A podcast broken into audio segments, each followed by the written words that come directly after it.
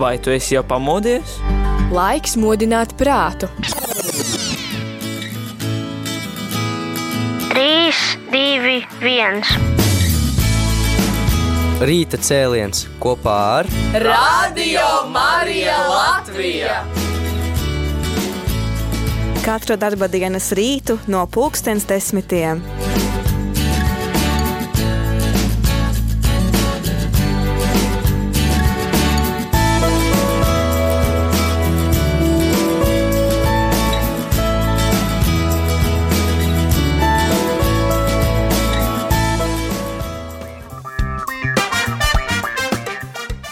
Labrīt, labrīt, un es esmu sveicināts, dārgais radio Marija Latvijas klausītāji. Ir otrdienas 17. novembris, ir 10 un tūlīt jau 8 minūtes. Šajā brīdī kopā ar tevi studijā esmu es, Rihards Miķelsons. Ja sako mums līdz sociālajos portālos vai arī esi bijis ar mums šīs svētku dienas, tad arī zināji to, ka šodien, šodien šajā studijā es nebūšu viens un neesmu viens, un patiešām arī kāda tēma ļoti interesanta un kāds ļoti vērtīgs un interesants viesis ir kopā ar mani studijā, un tas ir Edgars Čerkovskis, Eiropas komisijas eksperts ekonomikas jautājumos, arī pasniedzējs vairākās Latvijas augstskolās, piemēram, tādās kā Riseba un ekonomikas un kultūras augstskola. Jā, skola Riseba ir arī tā vieta, kur man bija iespēja pasniedzēju Edgaru iepazīt. Tad, nu, teiksim, labrīt! Labrīt visiem, labrīt! Nu, sākšu ar to, ka paldies liels, ka atradi laiku, lai būtu šeit kopā ar mums šajā rītā un nu, padalītos ar savām zināšanām. Jāsaka tā, ka jā, Edgars ir zinātājs ekonomikas jautājumos, un tā ir tēma, sfēra, joma, kurai tad arī šajā arī cēlēnā mēs vērsīsim uzmanību.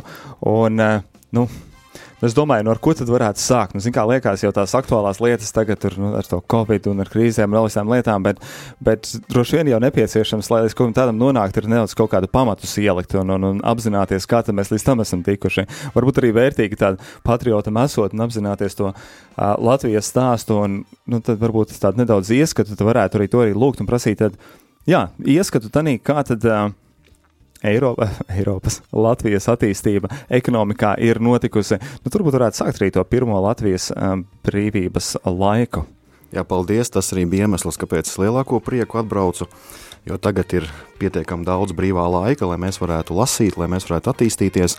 Un man liekas, ka tagad šajā te, nu, neteiksim, ka īpaši smagajā, bet tajā pašā brīdī arī ne īpaši vieglajā laikā mums ir vajadzīgs pamats, uz ko mēs varam atskatīties. Un, teiksim, man liekas, ka šis ir īstais laiks, 18. novembris, patriotu nedēļa, ir īstais laiks, lai atskatīties uz Latvijas tautsēmniecību. Un, teiksim, tagad ļoti daudz gan Latvijas universitāte, gan vairākas individuālās organizācijas ir izlaidušas pietiekami daudz monogrāfiju par tiem laikiem, lai katrs varētu nedaudz veltīt laiku un paskatīties, kā tad mēs esam bijuši. Protams, mūsdienās Ulmaņa laikus skata no vairākiem skata punktiem. Eh, es nerunāšu par politiku, es nerunāšu par juridiskajām lietām, ja tur, protams, vēl aizvien ir daudz diskusiju, vai Ulmani varēja uzskatīt par prezidentu vai nevarēja. To es atstāšu saviem kolēģiem, juristiem, lai viņi par to domā, bet no ekonomiskā viedokļa man ir patiešām patiesas prieks, ka Latvijā šādi laiki ir bijuši, un ja mēs tikai apzinātos tos faktus, ko es bieži arī stāstu studentiem, tad man liekas, tur patriotisms viņš var rasties gan arī vai pats no sevis.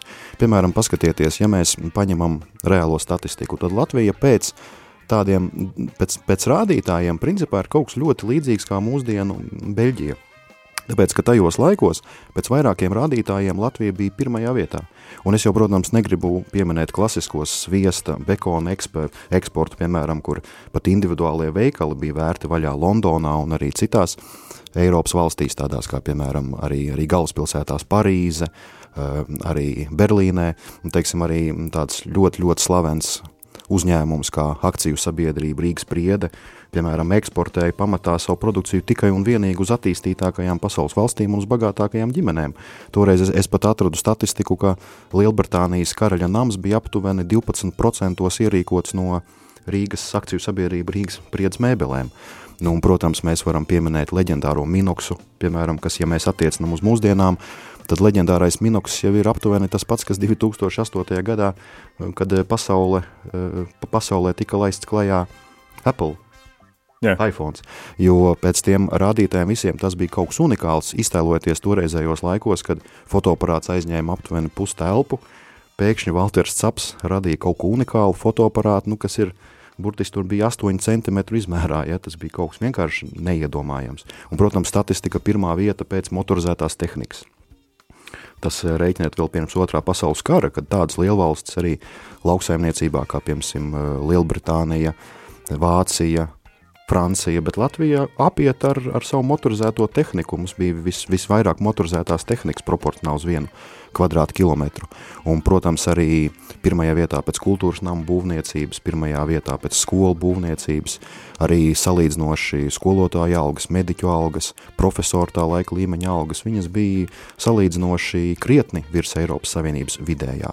Un tas, laikam, tas pats lielākais lepnums ir tas, par ko vajadzētu aizdomāties, ka īstenībā mēs uz tiem laikiem Eiropā nu, var teikt, arī lielākajā daļā pasaules bijām vienīgā valsts, kas atļāvās apgrozāmo valūtu izlaist sudrabā, kaut vai slavenie sudraba pieslatnieki. Tā kā tur patiešām pietiekami interesanti ir, un arī man, man visvairāk Likās interesanti tas, ka mēs bijām pirmajā vietā pēc patentiem pasaulē. Ja? Tas īpaši tas sākās ar 30. gadu un līdz pat 39. gadam patentu skaits krietni pārsniedz vidējo patentu skaitu, un tur bija ļoti interesanti. Tur bija elektronizētās skriturslides, piemēram, tur bija pārvietojamās elektriskās krāsnes mājā tajā laikā. Ja?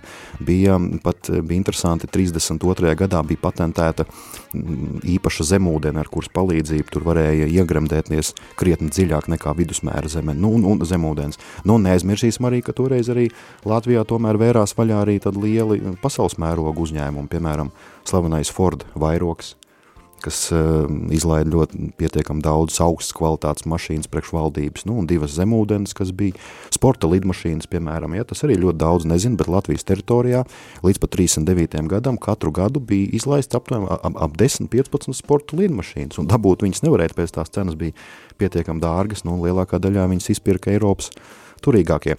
Tā kā tie bija tādi patiešām ļoti, ļoti skaisti laiki, un es domāju, ka tas viss bija pateicoties tikai tā laika patriotismam un tādam pozitīvam skatījumam uz to. Nu, un, protams, arī ar veiksmīgu pārvaldību.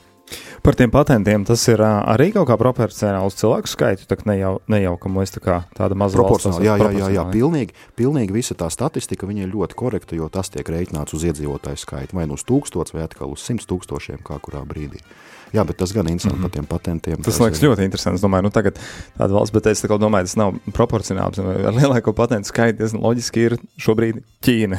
Tāpat kā daudzās vietās, daudzās situācijās jautājumos Ķīna ir izvirzījusies vadībā pasaulē, kā ekonomiski dažādās jomās.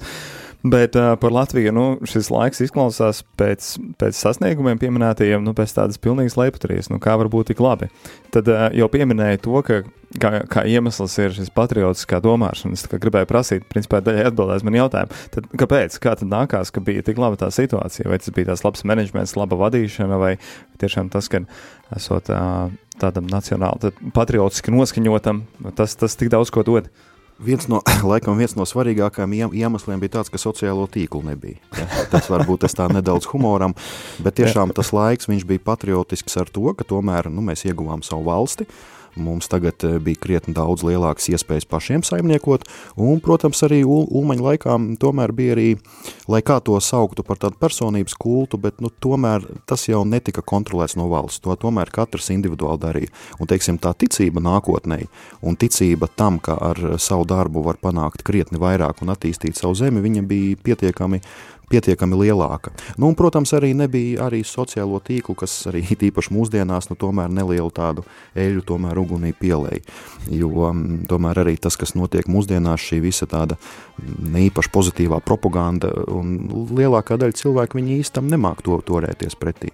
Man liekas, ja mēs uz, iz, izveidot tādu eksperimentu, nedaudz atslēgtos uz kādu gadu no sociālajiem tīkliem un mēģinātu to informāciju pasniegt pietiekami pozitīvāk, es domāju, mēs ātri vien saņemtos jo negatīvā informācija cilvēkus ietekmē krietni vairāk. Toreiz, piemēram, tajos laikos nepārtraukti ar šiem sasniegumiem dalījās, un gan arī radiofonā, te, nu, toreiz Latvijas radio radiofons saucās, un visur avīzēs, pilnīgi visur tika minēts tikai un vienīgi par sasniegumiem, ja? un par sasniegumiem pilnīgi visās jomās, zinātnē, tā skaitā uzņēmē darbībā, valsts pārvaldē arī. Tā kā es domāju, tas bija tas pats galvenais, tas patriotisms kopā ar tādu vidi, fonu, kurā šo patriotismu var attīstīt.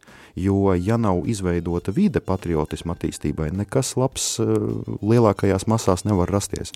Ja tīpaši cilvēkam mūsdienās viņam ļoti ir vajadzīgs tāds atbalsts, ko, viņš, ko viņš var iegūt tieši, lai varētu lielīties. Un starp citu arī tajos laikos Var arī skatīties, es teiksim, vēl runājot par tiem laikiem iepriekšējiem, esmu arī veicis tādu interesantu pētījumu par ļoti daudziem latviešiem, kuri ir ļoti daudz ko sasnieguši arī tā skaitā uzņēmē darbībā.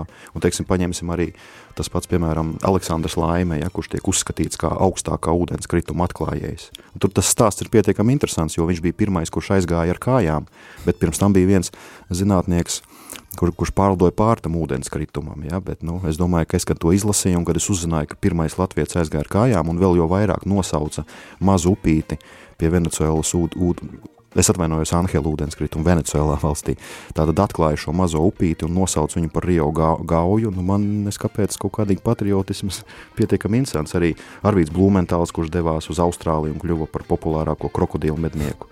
Tātad cilvēks, kurš krokodilus vispār nebija redzējis.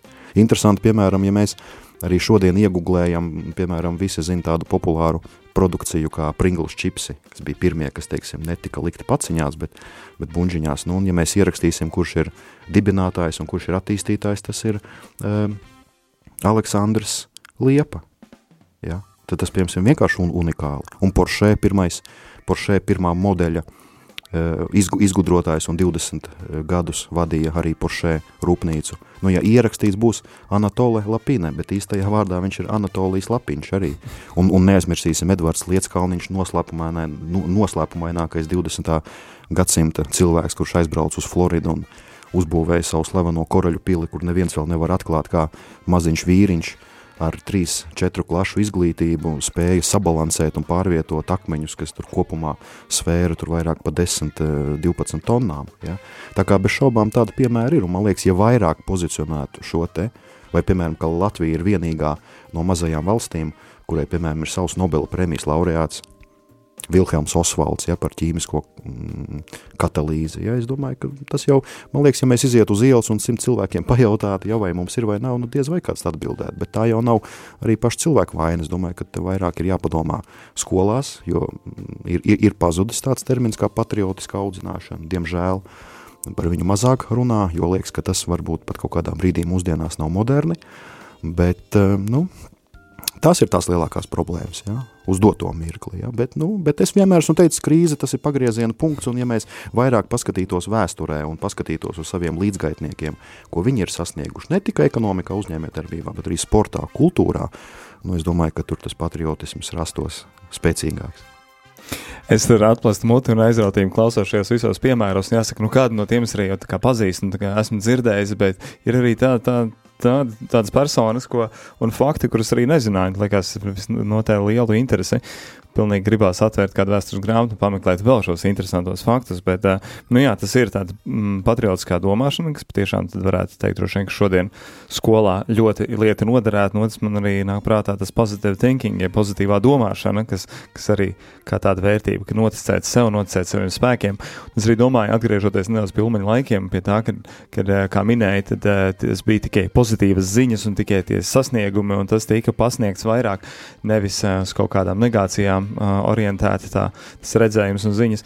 Nu, es domāju par tādu faktu, ka uh, fakts, ne fakts, vai varbūt tās mīts drīzāk, vai kā, bet uh, tā pati slavenā Jālgavas cukuru fabrika, kur esmu strādājis īstenībā ar ārkārtīgiem mīnusiem, bet viņi tika valsts dotēta un uzturēta, un arī tāda, lai būtu cilvēki mums strādāt, lai būtu tāds pozitīvais, ka mums ir pašiem savu rūpnīcu, mums rūpniecība strādā lielā līmenī, vai par to arī kaut kas zināms, vai arī bija tādi piemēri, kur, nu jā, kaut kādā veidā tiek palīdzēts, lai gan varbūt ne pārāk veiksmīgi tādi uzņēmumi, uzņēmēji darbības, bet tomēr atbalstītas, lai turpinātu šo pozitīvā tēla.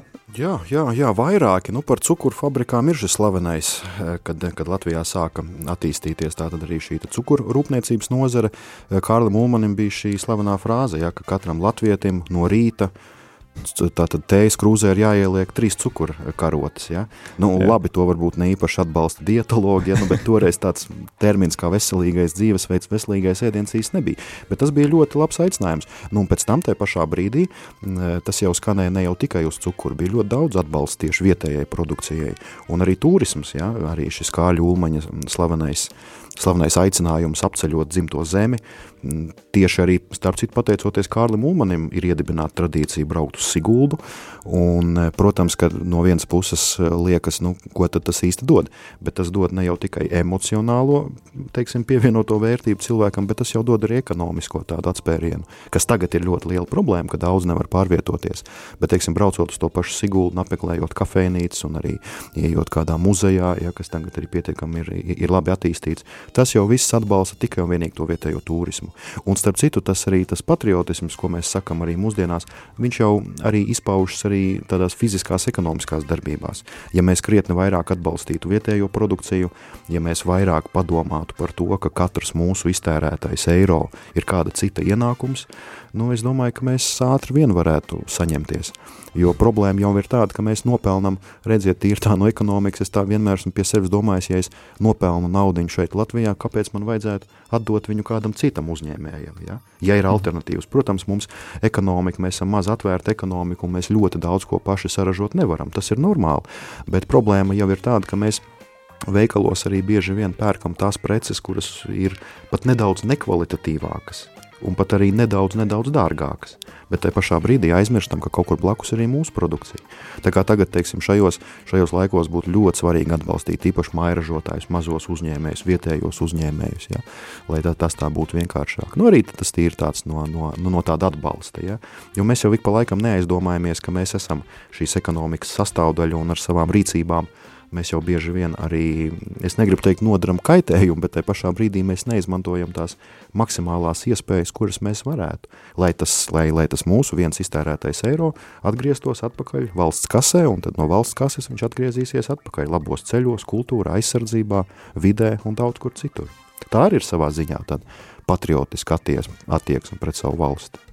Jā, es domāju, šeit bieži vien kāds arguments ir tas tā, tāda īsa ekonomiskā cikla domāšana, ja es redzu, ka tas um, tās uh, paša Latvijas ražotā prece ir nedaudz dārgāka tomēr, un man liekas, nu, nu, jā, man tur tie centi kaut kādi, vai tas eiro tur tā atšķirība, tad, nu, es tomēr pirkšu lētāku, kas ir, kas ir citā valstī, bet, nu, protams, ja padomāju to lielāko pilno uh, ekonomisku ciklu, kas ir, tad tas nodoklis, kas pēc tam ienāk arī valsts budžetā, un tā tad galu galā mēs tiešām sildam to savu ekonomiku un attīstam savu, uh, jā, Tas ir koks ar diviem galiem, tāpēc, ka mums darbojas šis pieprasījuma un piedāvājuma princips. Nu, diemžēl mēs dzīvojam šajā, nu, kāpēc saku, diemžēl, nu, kapitālisms, ja kā savulaik teica, ka kapitālisms varbūt nav tā pati veiksmīgākā, nu, tā oficiāli mēs to saucam par jaukto ekonomisko sistēmu, bet mums patiešām visu nosaka tirgus, un uzņēmēji bieži vien, es bieži braukāju apkārt pa Latvijas, teiksim, reģioniem, tiekos ar uzņēmējiem, ar augsta līmeņa uzņēmējiem, zemāka līmeņa uzņēmējiem. Es ļoti bieži šo esmu uzdevis jautājumu tieši par cenām. Un, ziniet, atbilde ļoti vienkārša. Uh, nav vienkārši pieprasījums, un tajā pašā brīdī, lai ekonomiski varētu nosakt visas savas izmaksas, uzņēmējs ir spiests šo cenu paaugstināt. Ja mums būtu krietni lielāks pieprasījums, tajā pašā brīdī arī lielāks ražošanas apjoms, mēs varētu cenas ļoti mierīgi nolaist, un uzņēmēji to arī izdarītu. Viņi vienkārši uz doto mirkli to fiziski nevar izdarīt, lai viņi varētu vismaz samaksāt savas pamatsaistības. Ja, tādā brīdī. Tā kā vajag ļoti atbalstīt. Es, un es jau neesmu vienīgais, kas par to runā. To nepārtraukti atbalsta gan, gan eh, Latvijas lauksaimniecības ministrs, visu laiku tā zemkopības ministrija visu laiku par to runā. Ja. Tā pašā brīdī Latvijas banka un valdība nepārtraukti aicina. Ja. Tā kā vajadzētu, es domāju, ka vismaz uz, uz tādu eksperimentu mēs varam izveidot uz pāris, trīs 3-4 mēnešiem pilnībā pāriet uz latviešu produkciju un paskatīsimies, kas mainīsies. Jo tas ir tas, tas cikls, kad mēs jau kaut ko varam novērtēt. Bet ilgtermiņā pilnīgi pareizi, jo mēs vairāk atbalstīsim vietējos, jo ilgtermiņā mums būs labāks ekonomiskais stāvoklis. Tas ir fakts. Nu, redz, klausītāji, dzirdot par uh, ekonomiku kā rīta cēlienu, domāju, ka droši vien, ka būs sausim par cipariem, bet nekā, ne par pozitīvu domāšanu, par patriotismu un kā gan citādāk patriotiskajā nedēļā. Šajā brīdī muzikāls iestiepinājums un tad turpināsim šī rīta tēmu. Mirdzot šķēpiem, zelta saules stāros, tauru skaņās, kad viļņojas gaiss. Cauri pilsētas vecajiem vārtiem ienāk latviešu strēlnieku pulks. Aiz aizskāriem augstu pie loga, meičas atstiņas priecīgi mirts Domā strēlnieki, meiča ir daļa, vai kāds brīnums, kā iesilstiem sirds.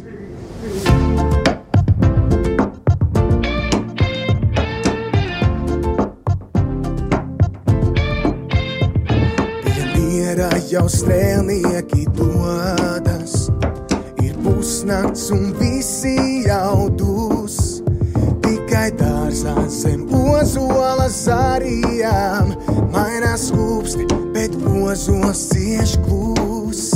Tikai dārzā zem ozola zarījām mainās skūpsti, bet ozos cieš klūs. No rīta zelta saules staros, tauru skaņās, kad viņu aģes skaists. Dodas strēlnieki sīvajā kaujā, kas ir bijis to nestāsta nakts. Dodas strēlnieki sīvajā kaujā, kas ir bijis to nestāsta nakts.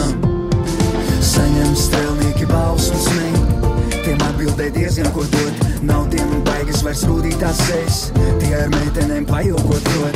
Tikai nakts mājas viņi negrigot, tie neslēdzot miegs acis ciet. Un tad tālāk mūzikai rībot Latviju prašēja strēlnieki iet. Aiz aizskāriem augstu pie loga, meitas atstīņas skumji kā mīts.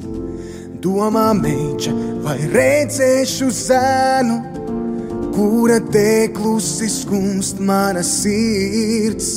Domā meiča, vai redzēšu zēnu, kura dēļ klusi skumst mana sirds.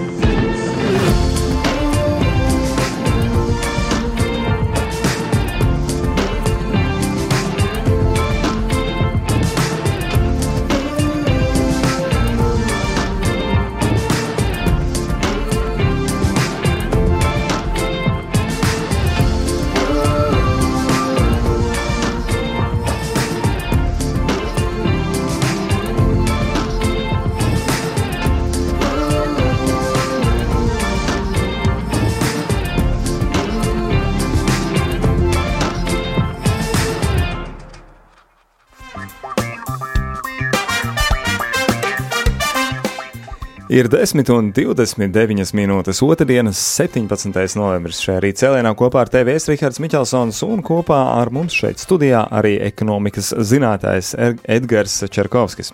Eiropas komisijas eksperts ekonomikas jautājumos un arī pasniedzējs dažādās Latvijas augstskolās. Un pirms muzikālās pauzes tad jau ieskatījāmies tādā tēmā, gan kā Latvijas pirmais brīvības laiks un par to patriotismu, cik ļoti tas ir iespaidojis un, un, un cik ļoti tāda pozitīvā domāšana tad arī palīdz um, ekonomikai, valsts ekonomikai. Nu jā, un tad uh, ejot tālāk, ja tuvojoties mūsdienām, mēs redzam, pēc tam nāca Nāca otrais pasaules karš, nāca padomjas Savienības laiki, apspiestības laiki, pēc tam arī e, brīvība 90. gada sākums ir e, tātad, e, brīvības atgūšana, kas nāca ar saviem juku laikiem. Un tad man liekas, gribētu arī jautāt tev par to, kā tad ir ar. Um, Nu, ko, kādu tad iespēju mums atstāja? Tie bija pietiekami daudz gadi, tas bija pusgadsimts, vairāk kā pusgadsimts, ko esam pavadījuši tādā nospiestībā un kaut kādā zem citas varas, un, un ko tas atstājas no sevis, un, un, un kāda tad Latvija, kā tā atjaunotā brīvība, cik pozitīva vai, vai, vai patriotiska ir. Nu jā, tie laiki arī ir bijuši, un kā saka, laikus neizvēlās. Ja mēs atkal skatāmies no patriotiskā viedokļa, tad man ir šaubām ir milzīgi liels gods un cieņa par tiem cilvēkiem, kas tajos laikos, kad bija aizliegts, piemēram, latviešu patriotisko svētku svinēšana, ka tomēr atradās ļoti liels skaits ar cilvēkiem, kas svinēja, un ne tikai svinēja, bet var, var teikt, priekš tām lietām, priekš tā laika darīja arī pietiekami trakas lietas, piemēram, uzvilka vietējā tornī Latvijas karogu, piemēram, ja, kas vispār bija nu, priekš tiem laikiem. Un, un tādu cilvēku bija pietiekami daudz, un tas jau nenotika tieši jau tajā brīdī, kad jau sāka kā var teikt, jau parādīties gaismiņa, ja, kad jau bija mierīgāk palika, un, un teiksim, arī jau tā saucamais Gorbačova laiks, ja, kad palika bišķi vienkāršāk. Nē, bet tas bija arī diezgan smagajos laikos, vēl arī 60. gadu beigās, 70. gadu sākumā. Tā kā tas patriotisms kā brīdis arī bija pietiekami svarīgs. Nu, un, ja pēc tam skatās, izlaižot šo visu posmu, kas mums ir palicis, tas visgrūtākais mantojums no visa tā, bez šaubām tās ir tās ļoti smagās deportācijas, kuras ir ļoti ietekmējušas, jo toreiz tas viss lielais cilvēku izsūtīšanas daudz daudzums ir skaidrs, ka izsūtīja gudrus, izglītotus, uzņēmīgus cilvēkus. Un liela, daudz, liela daļa no viņiem neatgriezās at, atpakaļ. E, jo tas jau ir tas svarīgākais, ka arī jebkurai tautai, jebkurai tautai ir savs kodols. Un tas kodols pamatā sastāv no zinātniekiem, profesoriem, uzņēmējiem, augsta līmeņa, arī ierēģiem. Un ja viņi tiek izsūtīti, tad um, ir ļoti grūti atkal cilvēkiem, kuri šajā jomā nav darbojušies, viņiem ir diezgan grūti mēģināt un attīstīt. Ja, kad ir tā, nu, kā saucamā tā tautas svarīgākā sakne tiek izrauta ārā.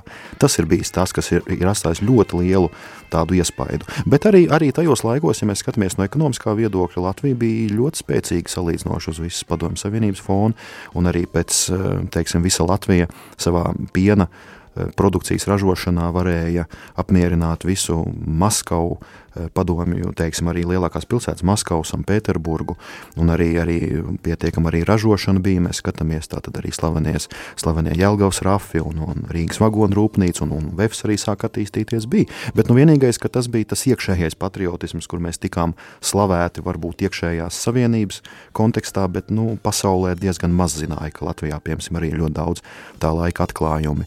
Nu, un pēc tam, kad jau sākās šis pārmaiņu laiks, juku laiks, kā tika minēts, es vienmēr esmu domājis par to, kā šie milzuma lielie pasaules mēroga notikumi, kā Baltijas ceļš un teiksim, šī arī dziesmotā revolūcija, kā tas viss toreiz tika saorganizēts, var teikt, bez mobīliem telefoniem, bez sociāliem tīkliem, bez visām tām iespējām, ko dod mūsdienu tehnoloģijas.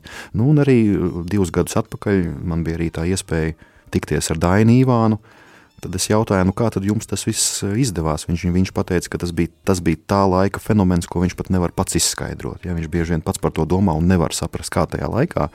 Un, un, un, un kas tad tas īsti bija, kas to deva? Bet atbildi, laikam, es domāju, pietiekami vienkārši. Tas atkal ir tas patriotisms, atkal, atkal doma par gaišo nākotni, un atkal, atkal pierādās tas, ka tāda apspiešana un neļaušana rīkoties ar savu, ar savu zemi uh, un arī posta nodarīšana. Mēs ļoti labi zinām, gan vidēji tika nodarīta posma, gan arī posts, gan arī, piemēram, neaizmirsīsim, ka arī teiksim, tā dabas objekti, kā piemēram staburaks, ja, kas bija ļoti liels zaudējums, un beigās jau, jau arī pierādījās, ko arī pats Dainis Ivāns teica, ka, ka tā Hesa būvniecība neko jau īpaši daudz nav devusi, bet tā galvenā doma bija parādīt cilvēkiem, ka lielvara var nopludināt un atņemt pašu svētāko, kas mums ir zemi. Ja? Tur, tur jau bija tā galvenā doma.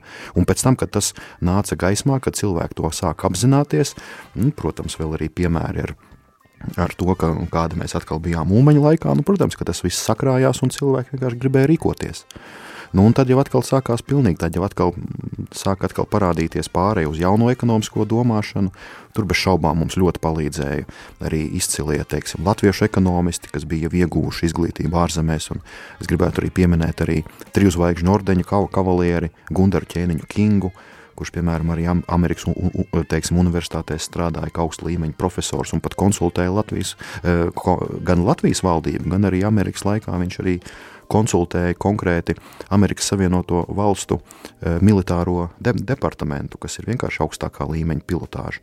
Un tad, protams, brauca un var teikt, bez nekādas atlīdzības, bez nekā strādāja ar Latvijas ierēģiem, strādāja ar Latvijas uzņēmējiem, tāpat arī Alfs Vanaks, tāpat arī tā laika, nu, diemžēl jau aizsaulē ir aizgājušais Ivars Brīvers, ja, kuriem bija tas skatījums uz to, kādam ir jābūt um, modernam ekonomiskajam modelim, ko nozīmē tirgus, jo tas bija ļoti grūti pāriet no tīpaši tiem, tiem cilvēkiem, kuri tikko sāka veidot uzņēmē, uzņēmē darbību, bija ļoti grūti, jo um, komanda ekonomikai viņai bija pavisam cits, uh, cits stils.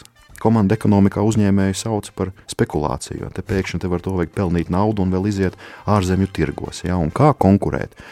Kā to darīt? Tas, tā, tās bija ļoti grūti. Man ir paveicies, esmu runājis, teiksim, Ar tā laika līderiem es jau pieminēju Dainu Ivānu, bet nesen runāju arī ar Ivaru Godmanu, ja, kurš tajos laikos uzņēmās arī šo smago pārvaldību. Nevien, patiešām tas viss notika tādā emocionālā līmenī, un tas notika var, varbūt vairāk tādā pat intuitīvā līmenī, jo, jo zināšanas kā tādas jau ne, nebija.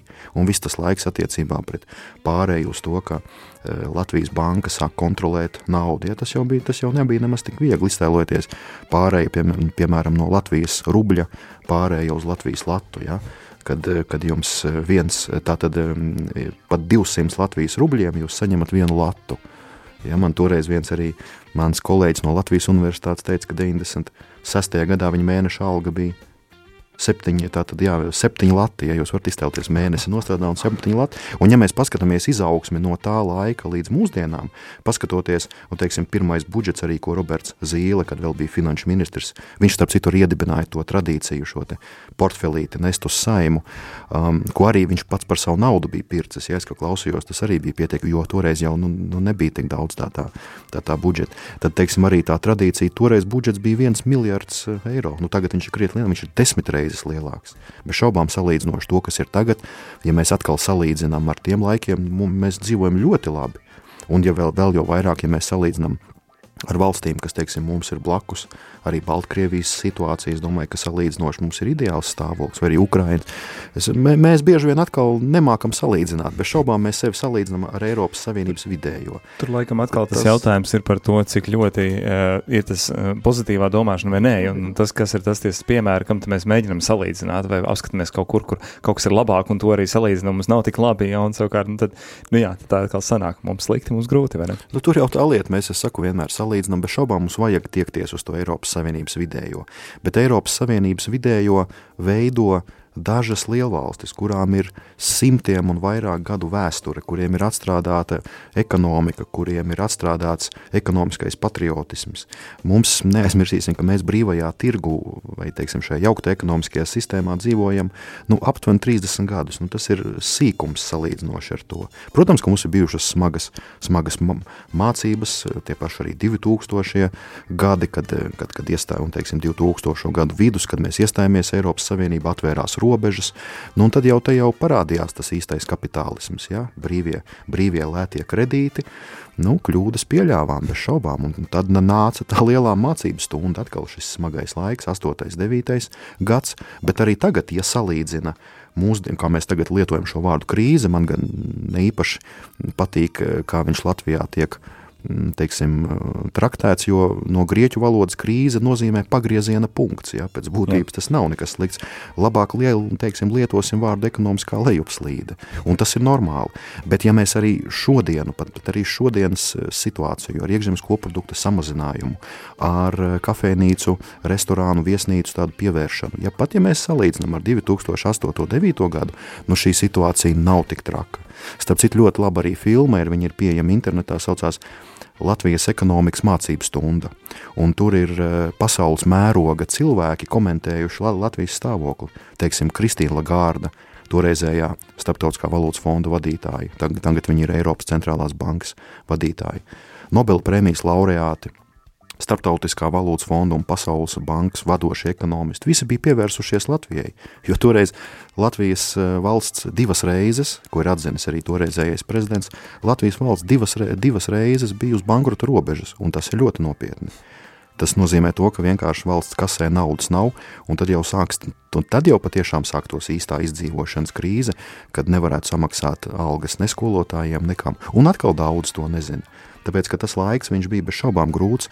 Atcerēsimies, viss gan arī 2009. gada 13. janvāris, jā, tie bija tādi skaļie notikumi, bet no ekonomiskā viedokļa, cik, cik teiksim, arī Valds Dombrovskis ilgi teiksim, strādāja un cik arī palīdz Eiropas komisija, lai mēs varētu šo budžetu sabalansēt, jo joki jau bija mazi. Toreiz 2000. 8. gadā iekšzemes koprodukts nokritās no 12,6% uz nulli. Ja, tas, ir tas ir nebijis Jā. gadījums. Tā kā atkal, ja mēs to zinātu un, un salīdzinātu, tas ir līdzīgi, kā es tagad jokojos un daudziem iesaku laba metode. Skatieties ziņas ar nedēļu novēlošanos, tad padomājiet, cik slikti bija, bet mēs tomēr izdzīvojām. Un tad ir viss kārtībā. Un atkal ir tā pozitīvā domāšana. Ja, ja atkal salīdzina, tad, tad, tad, tad pietiekami viss ir kārtībā. Es domāju, ka ļoti labs ieteikums arī ar šo dosimies muzikālā iestarpinājumā. Tad turpināsim. Klausītāji, tev kāds komentārs ir vai kas uh, sakāms par šo tēmu, tad var uzrakstīt mums izziņu uz 266 77 272. Kā mums uzrakstīs arī visi, kuri raksta pateicībā Dievam. Brīnišķīgs raidījums ar mūsu brīnišķīgo valsti. Tiemžēl bez abrēnas, kur atdevām mums, atdeva mums nepajautājot. Nu jā, savi upuri ir bijuši jādod. Dosimies muzikālā iestarpinājumā, tad turpināsim šo rīta cēlienu.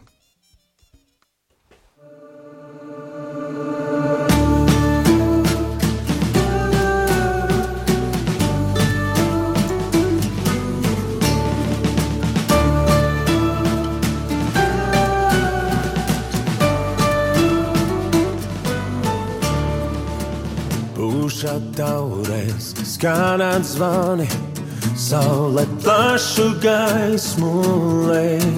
Karoks sarkan, baltīs sarkans, vējos atraisījies skrej. Karoks sarkan, baltīs sarkans, vējos atraisījies skrej.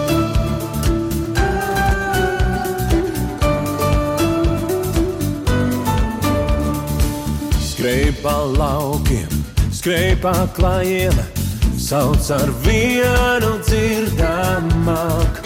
Lai izmājām, lai iznāmiem, lai izkāpiem ārā nāk.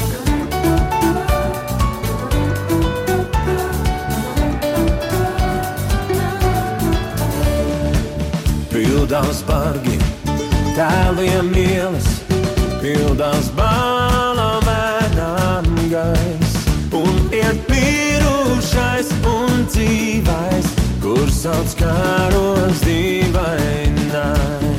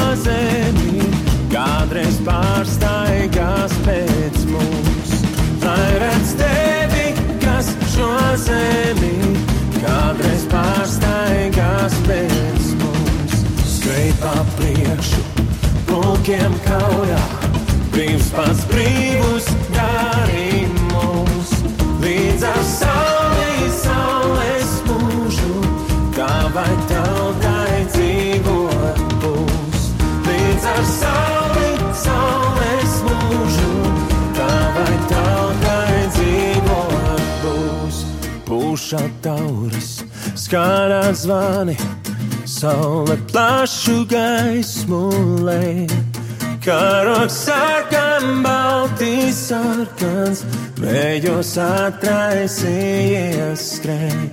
Karoks sarkan, baltīs sarkans, vējos atraisījies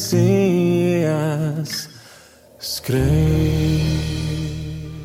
Karoks sarkan, baltis sarkans. Jānis Stībels ir dziesmu karoks. Jā, patiešām skaists arī karoks un tik daudz un tik skaistas mums lietas Latvijā, ar ko, par ko priecāties un ar ko lepoties. Turpinam šī rīta cēlienu, ir 10 un 45 minūtes. Šodien mums viesis ir Edgars Čerkovskis, Eiropas komisijas eksperts ekonomikas jautājumos, kā arī pasniedzējs vairākās Latvijas augstskolās. Nu, ko esam jau paspējuši tikt gan cauri ulmaņa laikiem, gan gan, gan apstīties, kā tad Latvija atguvusi neatkarību, kā tad uh, notikā šis process, ekonomikas augšana un izveidošanās, nosabilizēšanās pat tādu, kādas ir. Arī pieminēju šo krīzi, kas bija 2009. gads, no 8. 9. gads, vai tur sanāk, cik gadi tur, nu, Laikam tie vairāki gadi, ka viņš ka tā notiek. Ja? Mums sanāca nedaudz ilgāk. Mums, principā, me, Latvijā skaita no 2008. un tad atkopšanās no, no, notika 2011. gadā. Tad, tad tomēr var rēķināt, ka tas bija krietni ilgāk nekā, piemēram, Igaunijā, Lietuvā un lielākajā daļā arī pasaules valsts. Jā, pieminot Igauniju, man liekas, ļoti labs un, un ar labu humoru izjūtu bija. Tas bija uh, Igaunijas laikam. Uh, ekonomikas ministrs, kuram prasīja, nu, kā tas nākās, kad jums tur tik labi tā situācija salīdzinot kaimiņu valstīm kā Latvija. Un viņš saka, nu, redziet, mums kaimiņi vienmēr ir teikuši, ka nu, mēs tādi pišķiņi lēnāki kā, kā viņi. Un tad, nu, brīdī, kad viņi skrēja un ņēma tos kredītus, nu, mēs nepaspējām, ja mēs esam lēnāki un tos kredītus nepaņēmām. Un tāpēc mums arī tā situācija, ekonomiskā finansiālā situācija valstī ir labāka. Tas man liekas ļoti labi, ka ar tādu humoru arī var uh, pieskārties šādām tēmām nopietnām. Uh, vēl kāda īziņa mums atnākusi ir no klausies Lielijas. Dievs svētī Latviju! Tik iedvesmojoši. Paldies jums! Jā, paldies, paldies, paldies Edgar, par šiem ieskatiem un turpināsim tēmu, kamēr mums vēl laiks ir. Pēc krīzes Latvija tika skatīta un rādīta kā viena no valstīm, kas ir tāda parauga valsts, kā atkopties no krīzes. Zinām, ka tas arī prasīja diezgan tādas, varbūt tās skarbākas metodas un, un, un, un vajadzēja diezgan savalkt jostas, kā to teica, bet galu galā tas, nu, pasaulē tiek rādīts kā piemērs, kā, kā vajag atkopties no krīzes. Jā, un to arī vajadzētu ļoti daudziem zināt, jo patiešām tas moments, kā mēs izgājām, pēc būtības tādu ļoti smagu taupību un pieņemot ļoti smagus lēmumus, ko varēja pieņemt tikai un vienīgi ar, teiksim, ar tautas atbalstu. Un ļoti daudzās universitātēs Eiropas līmenī, kur, kur es arī esmu bijis, bieži vien Latvija tiek minēta kā piemērs, un vairākas filmas ir minētas, jo, teiksim, toreiz jau Latvija arī es jau arī, arī pieminēju, bet arī, teiksim, visu to situāciju arī kontrolē un ļoti atbalstīja arī toreizējais monetārās politikas eksperts Eiropas komisijā, komisārs pēc būtības Joachins Almunja un arī Starptautiskā valūtas fonda viena no misijas vadītājām Latvijā, Reičela Van Elhana. Jo es saku, tagad jau par to var runāt viegli, bet ja mēs saliekam tos faktus kopā, situācija bija ļoti nopietna. Un tas, ko, ko Latvija, es negribu atsevišķi minēt tur valdības nopelns, es, es, es saku visas valsts toreizējais atbalsts gan no iedzīvotājiem, gan no, gan no skolotājiem, kas toreiz atceros arī, bija, arī no izglītības zinātnes ministrijas bija ļoti lūgts runāt, teiksim, ar, ar, ar, ar tieši ar jauniešiem, mēģināt viņus mudināt tomēr nebraukt prom tīpaši pēdējo klašu eh, skolēnus, kas toreiz bija ļoti, ļoti nopietni. Nu, un bez šaubām arī, protams, arī ļoti eh, liela pateicība arī mūsu kultūras darbiniekiem, ja, kas varbūt nedaudz arī ar tādu humoru, teiksim, atceros, man ļoti patika tas savulaik bija tas um, radio Nevis radio, bet teātrī bija tā izrāde, Žurka ko, ko, Kornelija, ja, tāda, jā, laikam, jā, saucās, tā, tā, tāda ir, jā. kur mēs ar tādu humoru uz to visu varējām paskatīties. Un man liekas, ka toreiz bija iesaistīts pilnīgi visas jomas, visas nozares, visa veida speciālisti, un tas arī, tas arī palīdzēja. Un, un, un, un pateicoties tam, jā, mēs tagad pasaulē patiešām tiekam skatīti kā tāds unikāls, unikāls piemērs, jo ļoti daudz, un tajā skaitā arī Nobela prēmijas laureāts Pols Krugmens skaidri un gaiši eh, izteicās, ka tas nav iespējams, ka ekonomiski nav iespējams iziet ārā no tās situācijas. Un eh, pat arī G7 toreiz bija savāks tātad G7 samits, tātad septiņas pasaules attīstītākās valstis pievērsās Latvijai, un pilnīgi viss, tā skaitā Amerika bija, visi bija skeptiski, ja, ka ne, nevar no šīs krīzes iz, iz, teiksim, izķepuroties, nevar, nevar obligāti ir vajadzīgs eh, tātad lata devalvācijas jautājums, viss nē, bet nu toreiz bija, turējās pretī, un, un, un to mēs visu izdarījām. Tā kā obligāti paskatieties šajās patriotiskajās noskaņās, vēlreiz atkārto internetā, sameklējiet filmu Latvijas ekonomikas mācību stunda, septiņi gadi, paskatieties, cik bija slikti, cik bija problemātiski, bet vēlreiz ar šo pozitīvismu, ar atbalstu mēs tam visam tikām cauri, visi ekonomisti norāda, ka nu, nevajadzētu būt e, grūtākam, tāpēc, ka katras nākošās krīzes, viņas tomēr ir nedaudz vieglākas nekā iepriekšējās. Tas tā vēsturiski ir veidojies. Cerēsim, tā patiešām ir. Un, jā, ekonomiski ir šīs lejupslīdes un augšupējas, un droši vien, esam dzīvojuši diezgan tādā ekonomiski augšupējā. Un tad uh, sarunas vēl pirms dažiem gadiem par krīzi bija, nu, tā kā bija dzirdēts runās, ka nu, 20. gads varētu būt tas laiks, kad arī krīze ir gaidāma.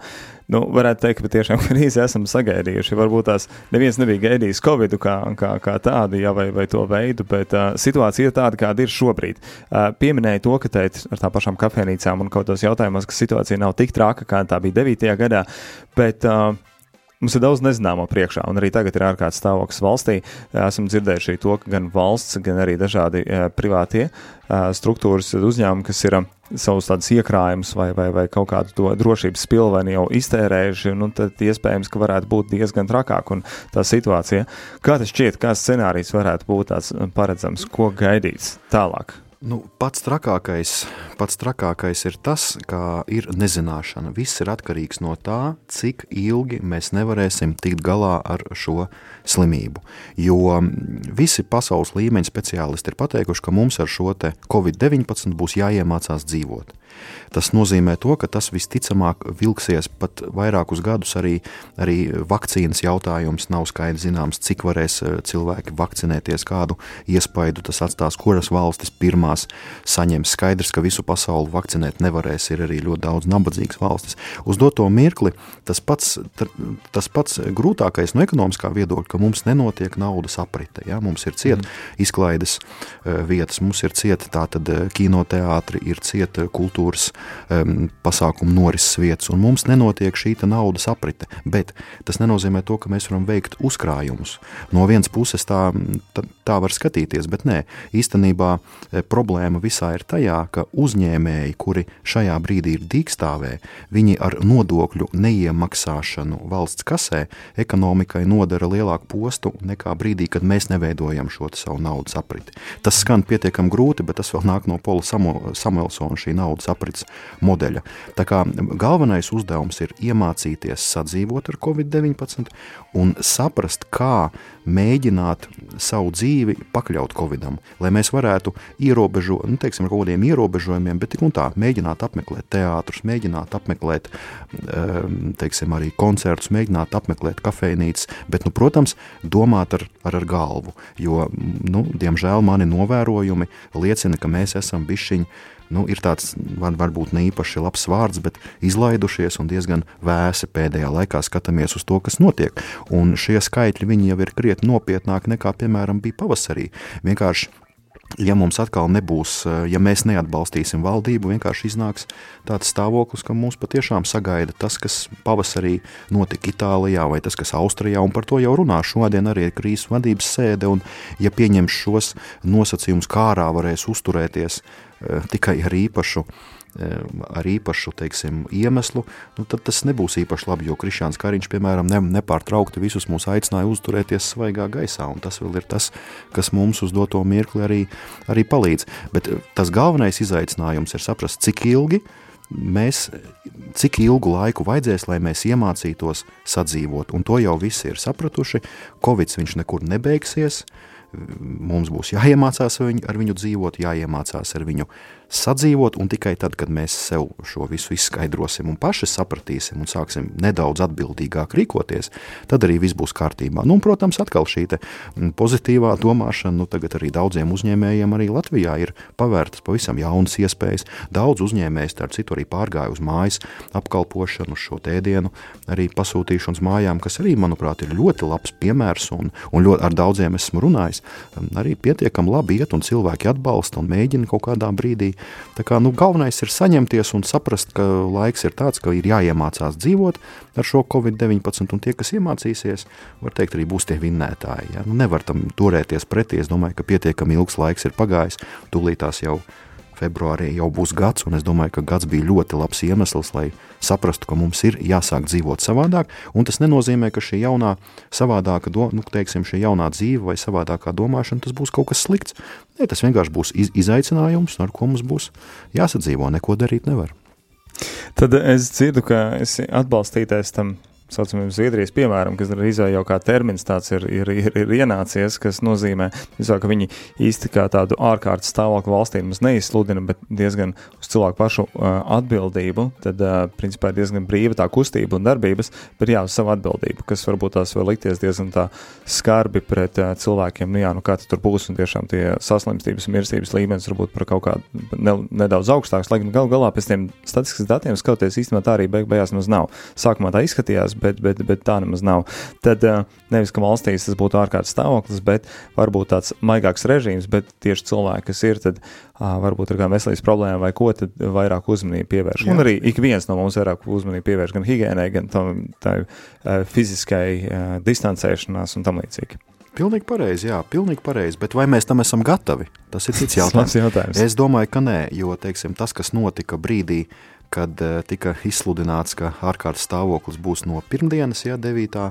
novembra, mēs ļoti labi redzējām, kas notika vecrīgā, kas notika tātad masu izklaides vietās. Nu, nu jāpaspēj, kamēr nu, viss nav slēgts. E, e, es saprotu, ka jāpaspēj, bet tas arī šāda veida paspēšanas var būt arī iemesli, ka šie te visi ierobežojumi būs uh, arī bišķiņi bišķiņ, bišķiņ nopietnāki, ja, un tāpēc tomēr kaut kādai atbildībai ir jābūt. Es esmu teicis jau arī, nu, mūsu tautai un, un visiem un, un Latvijas valstī ir bijuši, nu, krietni grūtāki momenti. Nu, tagad tas ir sīkums, un jūs pareizi teicāt, pat ja mēs rēķinam to dienā saslimušo skaitu proporcionāli valsts iedzīvotājiem. Protams, ka tā loģiski domājot ir arī arī tā, tā apziņa, ka varbūt tas nav tik traki, bet, bet, bet tā apziņa ar mums var nospēlēt ļoti sliktu triku. Ja mēs sāksim domāt, ka, eh, ka tas nav nemaz tik daudz, un ka tomēr var izklaidēties, un ka maskas nevajag vilkt, tad mēs ātri vien varam nonākt pavisam bēdīgākā stāvoklī. Ja? Bet uh, tomēr vajag bišķiņ padomāt, ka vajag saņemties un eh, mēģināt pagaidīt, tīpaši šo periodu, nu, līdz pavasarim izturēt, un tur jau atkal būs skaistāks laiks, un viss sāks ziedēt, un viss būs labi, un, un, un arī uh, arī cerēsim, ka arī tā slimība arī samazināsies. Nekur viņa nepazudīs, bet viņa samazināsies. Tādā domā vajadzētu dzīvot. po pozitīvam un, un, un jā, ar, ar pozitīvu skatījumu uz priekšu.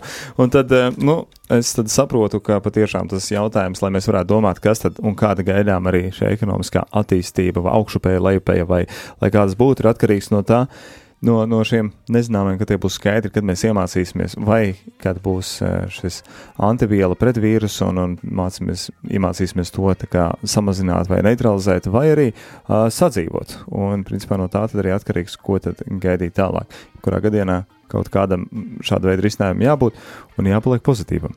Jā, pareizi. Un es esmu ļoti pārliecināts, ka tā kā brīvajā tirgu eksistē krīzes, tad atkal pēc 10, 15 gadiem uh, kad atkal atgriezīsies atkal arī nākošā krīze, mēs par šo krīzi varēsim tikai pasmaidīt, un atkal varbūt jūs man uzaicināsiet pēc 10, 15 gadiem, un es atkal varēšu pastāstīt, kāds bija, kāds bija stāvoklis Covid laikā, un ka mēs tam tikām cauri, un atkal varbūt arī kā labs piemērs arī pasaulē arī tiksim minēti. Es domāju, ka tas arī būs tas vēlējums klausītājiem palikt pozitīviem. Ja? palieciet, jā, palieciet pozitīvi, ievērojiet visas higiēniskās normas, lasiet grāmatas, mēģiniet saprast to, ar ko mēs esam labāki, ar ko mēs esam iespaidīgāki pasaules fonā, un atcerieties to, ka galvenais ir mēģiniet domāt pozitīvi. Grūti tas ir, it īpaši ņemot vērā sociālo tīklu attīstību, bet nu, savu galviņu uz pleciem mums vēl neviens nav atņēmis. Tā kā domājiet pozitīvi un, protams, arī rīkojieties. Ar domāšanu ir pamaz, vajag arī rīkoties.